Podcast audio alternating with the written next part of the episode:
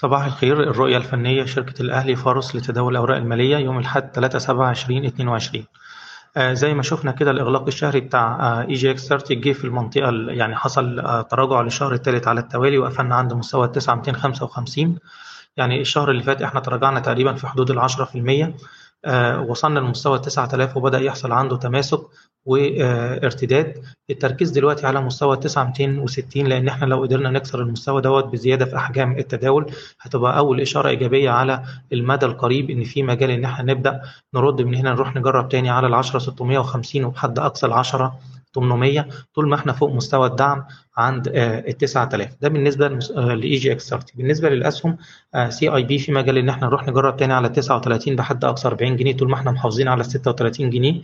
أبو قير عندنا دلوقتي أقرب مستوى دعم عند ال 21 90 وال target بتاعنا عند ال 23 90 e-finance عندنا support مهم عند ال 13 جنيه. طول ما إحنا محافظين على 13 جنيه السهم يروح يجرب تاني 14 14 ونص.